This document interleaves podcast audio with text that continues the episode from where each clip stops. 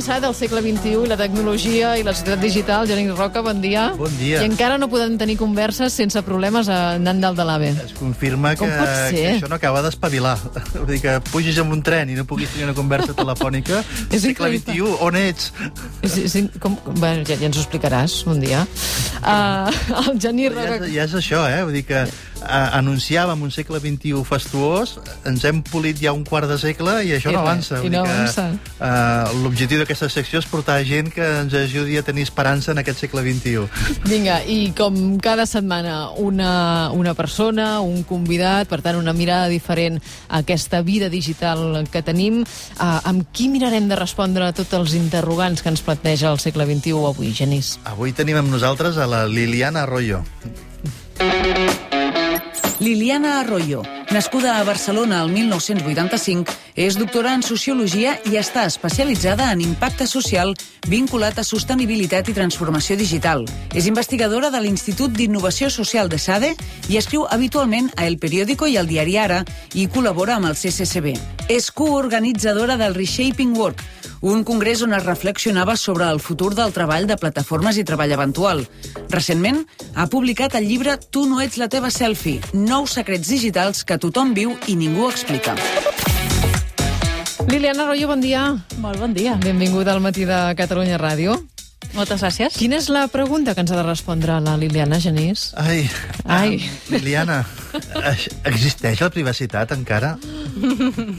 és, és, és difícil, no, aquesta pregunta? És difícil, sobretot perquè jo crec que hem de començar pensant que la privacitat és una cosa que ens hem inventat de, en un moment bastant recent, diguéssim, fa Ah, un sí? parell de segles. Clar, no podem parlar de privacitat eh, fins al moment en el que no tenim propietat privada, fins que no tenim concepte del jo i de, i de l'individu, no?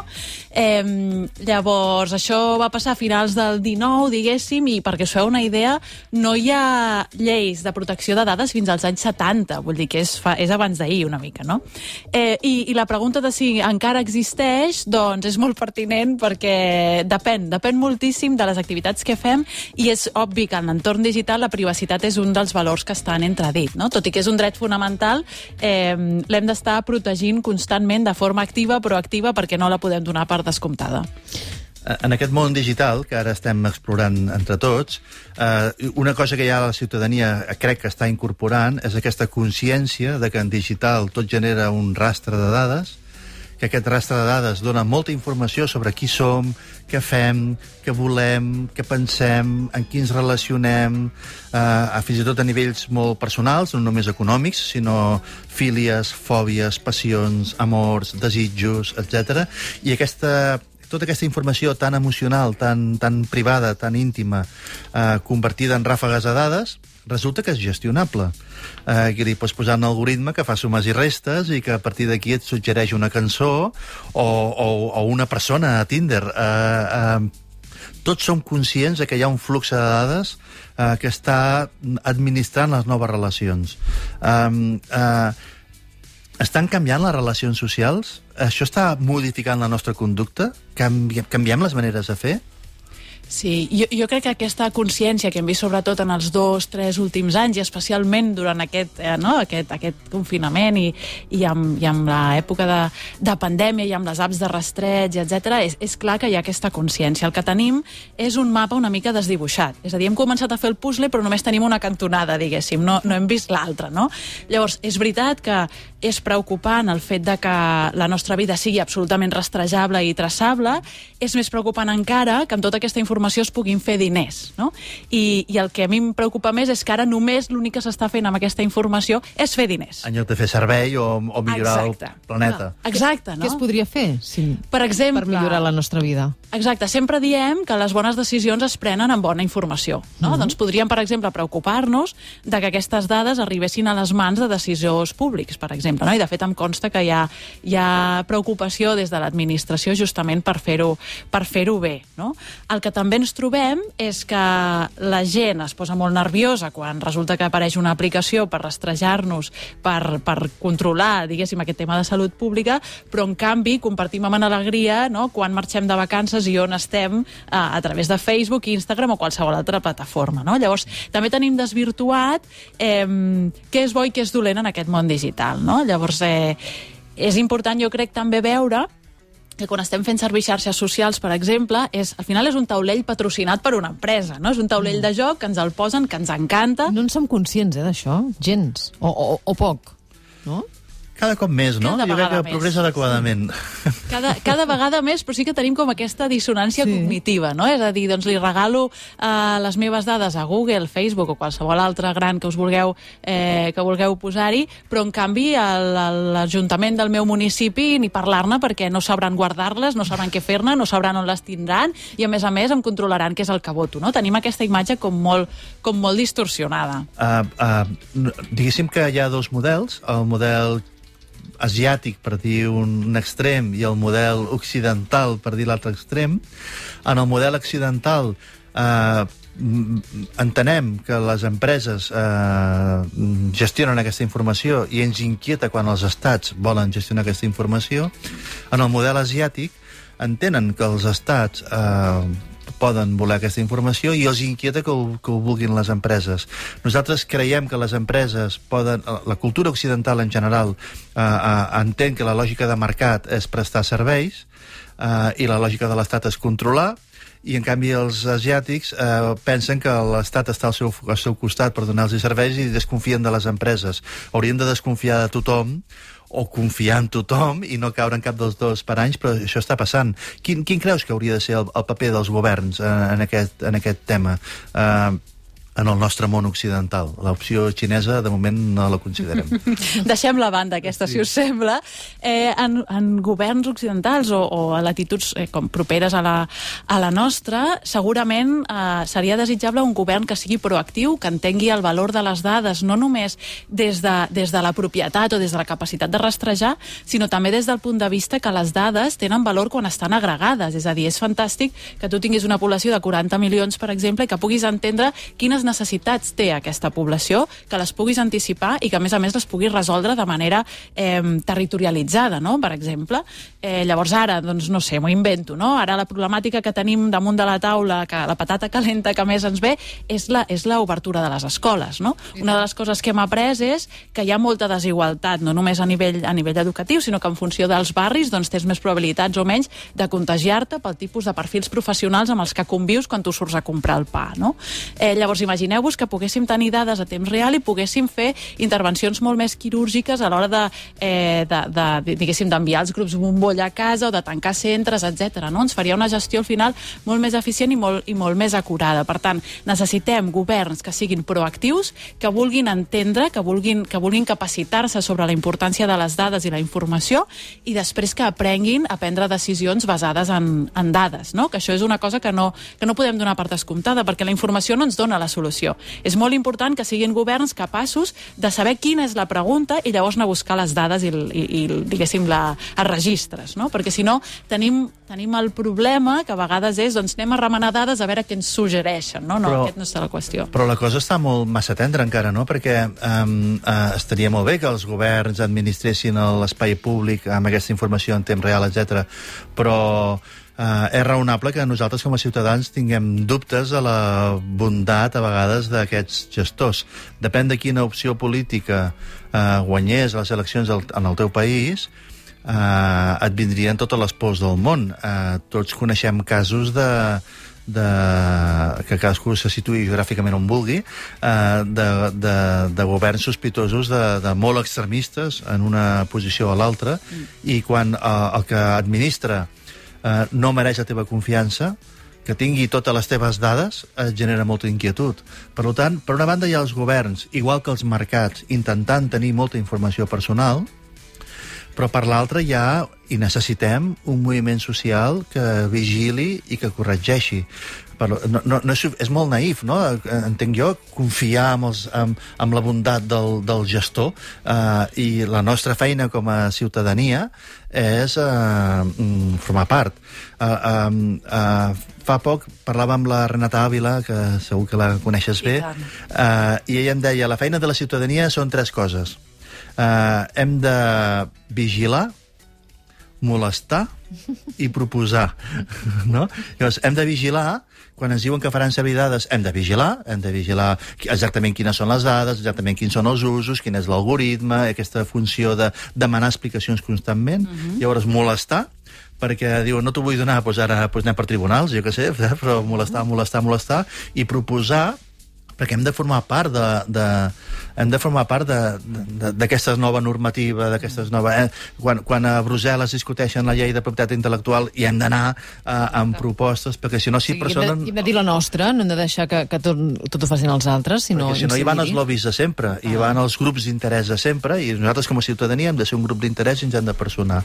Detectes moviment, eh, evidentment, a casa nostra, eh, com a ciutadania podem fer coses. Absolutament, podem fer coses i a més més val que les fem, perquè com deies tu, confiar en la bondat del gestor és molt naïf perquè podem confiar en el gestor d'avui, però si confiem en... O sigui, no sabem quin gestor hi haurà demà, no? I les dades no s'esborren, no? A mi em van dir una vegada, tot allò que puja a internet no baixa mai, per tant, doncs, eh, és, ens hi va molt, ens hi va molt. Hi ha moviment, hi ha consciència, tenim col·lectius, eh, Xnet, entre altres, no?, que, que, estan, que estan empenyent molt fort. A mi sempre que, que es proposa que la ciutadania formem part de l'equació, estic d'acord i vaig la primera, eh, però també crec que és veritat que hem de pensar en tota aquella gent que no té la capacitat mm. ni, la, ni la consciència d'estar-se protegint tota l'estona, no? És a dir, hem vist diversos articles que analitzaven doncs, la longitud i la complexitat de les polítiques de privacitat o en la nostra experiència del dia a dia, baixar-se una app i llegir les, les cookies no? I, les, i els termes legals eh, de què fan amb les nostres dades és realment tediós. Llavors, ara mateix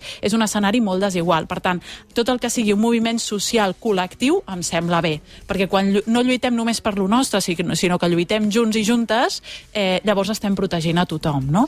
I fa poc va haver una, una reunió, cosa que em, va, que em va donar molta llum, sobre tots els, eh, els defensors del poble de diferents països europeus que justament s'estaven començant a despertar i dir, escolta, i potser nosaltres podem fer-hi alguna cosa, no? Aquests grups de defensa dels consumidors, per exemple, quan estem davant de les empreses, som consumidors, no usuaris, som consumidors, no? Tot i que ens han col·locat en, aquest, en aquesta etiqueta, però potser, per exemple, a part del moviment ciutadà, podem tenir doncs, figures com els defensors del poble que també ens poden ajudar molt en aquest sentit. Però sempre, sempre sempre, és una lluita col·lectiva, perquè la privacitat, l'engany a la privacitat és que sigui un dret individual. És individual, però és col·lectiu. Clar, és necessàriament col·lectiu. Ens afecta a tots. En, en aquesta triple funció o missió que tenim la ciutadania, que ara apuntava Genís, de vigilar, molestar i proposar, si ens quedem amb la primera, de vigilar, uh, Liliana, quines haurien de ser la, les expectatives, allò que els ciutadans haurien de tenir com a, com a prioritaris, o, o a què hauríem d'aspirar els ciutadans en aquesta matèria? Doncs la primera, exercir els nostres drets, que moltes vegades no els coneixem, no? És a dir, uh, hi ha els drets ARCO, que estan contemplats des dels anys 90, que, per exemple, ens permeten uh, exigir que una empresa o un govern ens digui qui ens fa, ens doni accés a quines són les dades que tenen sobre nosaltres. No? Aquestes dades, si estan incorrectes, tenim dret a rectificar-les, perquè si, estan prenent, si han de prendre eh, decisions en base a aquesta informació, ens hi va molt. No? Imagina't que estem categoritzats en un segment salarial que no som, eh, o que estem categoritzats en una religió que no és la nostra, o que estem categoritzats, no? d'alguna forma estem eh, mal fitxats o mal fitxades. No? Per tant, la primera cosa és accedir, la segona cosa és, és rectificar i, i altres drets són els de cancel·lació i oposició, és a dir, hem de poder dir jo no vull estar aquí. No, no vull rebre trucades, Exacte. no vull rebre aquestes, aquests, aquests anuncis, això Exacte. és el típic eh, Exacte. exemple, no? Exactament, exactament. Eh, I després, eh, jo crec que és important, perquè ja hi ha eh, sobretot entitats de tercer sector, nacionals i internacionals, que es preocupen de, de fiscalitzar una mica aquestes plataformes que fem servir. Hi ha, una, hi ha un munt de rànquings, no? i fins i tot van, van fer un projecte que era un semàfor on no calia que tu et llegissis tota la política de privacitat, sinó que entraves a aquella pàgina web i en un semàfor de verd, eh, àmbar i vermell et deia quin grau de risc tenies. No? És a dir, per exemple, hi ha també una conversa interessant sobre per què no eh, generem una sèrie d'etiquetes, igual que les llicències de, no? de creació oberta, Creative Commons i demés, que tu ja saps eh, si allò és és, reutilitzable o no. O el tema del, de l'eficiència energètica dels, dels electrodomèstics, no? Tenim els colors i tenim lletres, i tothom sap que un electrodomèstic A és millor que un electrodomèstic C. Doncs com és que encara no ho tenim això a l'hora de fer serve, eh, servir serveis digitals, no? Um, a l'actualitat estan passant moltes coses que tenen a veure amb, aquests, amb aquesta lluita de drets. No? Uh, la, la setmana passada sortia la notícia de, de l'Elon Musk, uh, aquest aquest provocador, diguéssim, que quan, quan no són coets, són cotxes... Pensava que anaves quan... a dir empresari, no, alguna cosa no, així, no? És que, Provocador directament. És que no tinc clar encara si em cau bé o malament. Uh, és difícil, és difícil saber-ho. Per una banda penso, mira que bé, per altra banda penso que aquest tio és inquietant. Uh, no, no ho acabo de tenir clar. Per exemple, el que va presentar la setmana passada segur, eh? és molt inquietant. Sí. És, lo, de la, lo de la setmana passada és com a mínim inquietant. Uh, Neuralink es diu, mm -hmm. uh, que ho han provat amb un porc, uh, cosa que fa que quedi molt a prop de provar-ho amb persones. Sí, va així la cosa. Va així la cosa. Uh, I és, uh, implanten una mena de xip en el crani, en el cervell, això es connecta amb una màquina i llavors ja ha anat, eh, potencialment s'especula eh, la feina és transferir a la màquina eh, eh, els pensaments i els records del cervell d'aquella persona. Connectar, eh, clar, de, oh, l'Elon Musk eh, fa cotxes elèctrics i és guai. Sí, però és que això mateix, això no sé si és gaire guai. I comentant amb tu, Liliana, em deies, per què, eh, per què això és igual de ens aterroritza i ens fascina a la vegada. Quina explicació li trobes, això? Jo crec que és una extensió del mateix personatge, no? que és, és un personatge polaritzant que, que això que tan aviat ens, ens fascina perquè ens fa somiar amb que podrem arribar a l'espai, eh, però alhora ens aterroritza per això, no? perquè, escolta, doncs, que pugui gravar la nostra memòria doncs ens, ens inquieta bastant. No? Si, si heu vist aquell capítol de Black Mirror on, on pots efectivament gravar les memòries, revisitar-les, etc. clar, ens toca algo molt, molt, molt particular i molt propi que és el nostre dret a, a construir la nostra memòria, no? que és una cosa que és absolutament dinàmica i el fet de que això pugui ser registrat i, i, i diguéssim, revisitat de forma objectiva ens treu una mica el dret a construir i reconstruir la, no, la nostra pròpia història. No? Per, per exemple, la, la, la medicina ha fet un debat ètic sobre la manipulació genètica. Mm -hmm. val? I quan tu has volgut fer manipulació genètica per crear un, un, un, un, una, per alterar un embrió i que aquell fetus eh, sigui diferent o com hagués sigut per natura, eh, la ciència ha entrat en un debat ètic profund i ha fins i tot marcat unes normes. Eh, fa poc es parlava d'aquell investigador xinès que havia fet una manipulació genètica, la comunitat científica ho va saber i el varen, el varen expulsar, diguéssim, de, del circuit. Però això amb tecnologia sembla que no estigui passant. Sembla que no tinguem aquests debats ètics. Aquest tio ve aquí, pot un xip amb un cervell d'un porc i diu la següent prova la farem una persona ja i no, i no hi ha no hi ha, no hi ha qui ho aturi, això. Mm, anem bé, eh? Hi, hi ha una mica aquesta sensació, no?, de, de que hi ha com buits on, on el que s'escola és la, la innovació sense permís, no?, el que li diuen la permissionless innovation. Eh, jo crec que aquest, Elon Musk és un dels casos clars que jo crec que li hem, li hem de reconèixer la capacitat d'abaratir els costos de desenvolupar certs elements tecnològics, que és, que és el que li ha permès... Eh, doncs, competir. generar SpaceX, exacte, és el que li ha permès competir, i, i, i, el, i la qüestió és que amb tecnologia sembla que avancem, eh, o sigui, regulem per desastre, no? En lloc de regular, o en lloc de, en lloc de contenir, de dissenyar i tenir aquest debat des del, des del disseny, no? des, de, des del principi, ho tenim quan resulta que veiem que ens hem sortit de la carretera, dir, ostres, hi havia una corba, tu, espera, tornem enrere, a veure si el proper cop podem posar un senyal, no?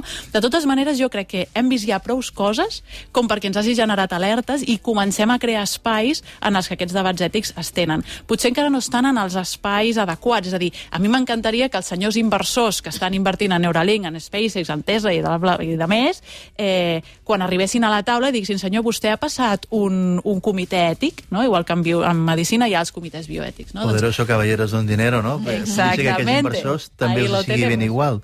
Exacte. Exacte, exacte. Hi ha una qüestió, uh, Liliana, i, i si us sembla amb això ja anirem tancant uh, la conversa, que és um, el salt generacional, és a dir, la gent jove uh, està a molta distància respecte a la gent no tan jove en totes aquestes qüestions. I, i és, un, és segur un dels uh, reptes que, que hi ha en aquesta societat digital com se soluciona, com se salva aquest repte? Mm -hmm. Jo crec que primer és sortint del, del prejudici de que hi ha molta distància, perquè, ah. i crec que el confinament ens ho ha confirmat, és a dir, per exemple, davant de, davant de, de com funciona les xarxes socials, etc. és veritat que els joves tenen una capacitat de maneig impressionant, però les xarxes tenen una capacitat hipnòtica d'enganxar-nos tinguis l'edat que tinguis, no? I això, I això ho hem vist. El que sí que és veritat és que jo diria que el gran clivatge, la gran clivella és entre tenir consciència d'estar connectat i desconnectat o no tenir-la. No? És a dir, jo, per exemple, eh, amb 15 anys per connectar-me a internet havia de tirar un cable des de la meva habitació fins a la clavella del telèfon, els meus pares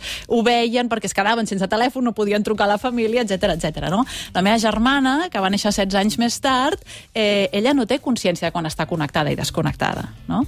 Eh, I crec que això ho canvia tot. I sempre poso un exemple, no?, que em sembla com molt paradigmàtic, que és, imagineu-vos que, ens, en- que aquestes vacances ens n'hem anat a veure una posta de sol, no? I heu anat, vosaltres, amb un adolescent de 16, 17, 20 anys, és igual. Eh, vosaltres heu anat a la posta de sol amb la manteta, les copes de cava i el mòbil en mode avió pràcticament perquè no ens molesti ningú, no? Eh, la persona jove ha anat fent vídeos durant el camí, mentre es trobàveu al millor lloc, mentre posàveu les copes, la copa contra llum, el no sé què, el no sé quantos. Després fa un live de tota la posta de sol i vosaltres penseu, oi, que bé, no hi ha ningú, estem aquí sols, no? Llavors, quan s'han anat al sol, per vosaltres la posta de sol s'ha acabat. Us ha quedat a la retina, plegueu a la manteta, manteta, les copes de cava i tornem cap a casa que ja hem fet el dia, no? La persona jove, eh, després d'allò, doncs edita el vídeo, li posa un filtre, no sé què, no sé quantos, no? I comença la conversa persona- i- I comença la conversa. La posta de sol, aquesta posta de sol que per vosaltres ha acabat, no sé, el 26 d'agost a les 9.06, per aquesta persona acaba sis dies més tard quan arriba l'últim comentari, no? I molts adults diuen, és que clar, no saben viure la posta de sol perquè només estan pel mòbil. Escolta, qui l'està disfrutant més, aquesta posta de sol? Bona pregunta, eh? Això hi ha gent jove i gent no tan jove, eh? Que està tot el dia uh, fent això amb Jove, jove d'esperit. Exacte, joves d'esperit. Liliana Arroyo, moltíssimes gràcies. A vosaltres. Hem après moltes coses i, i d'altres que queden apuntades per aprendre-les a- al llarg del temps. Fins la propera, gràcies. Fins una altra. Moltes gràcies.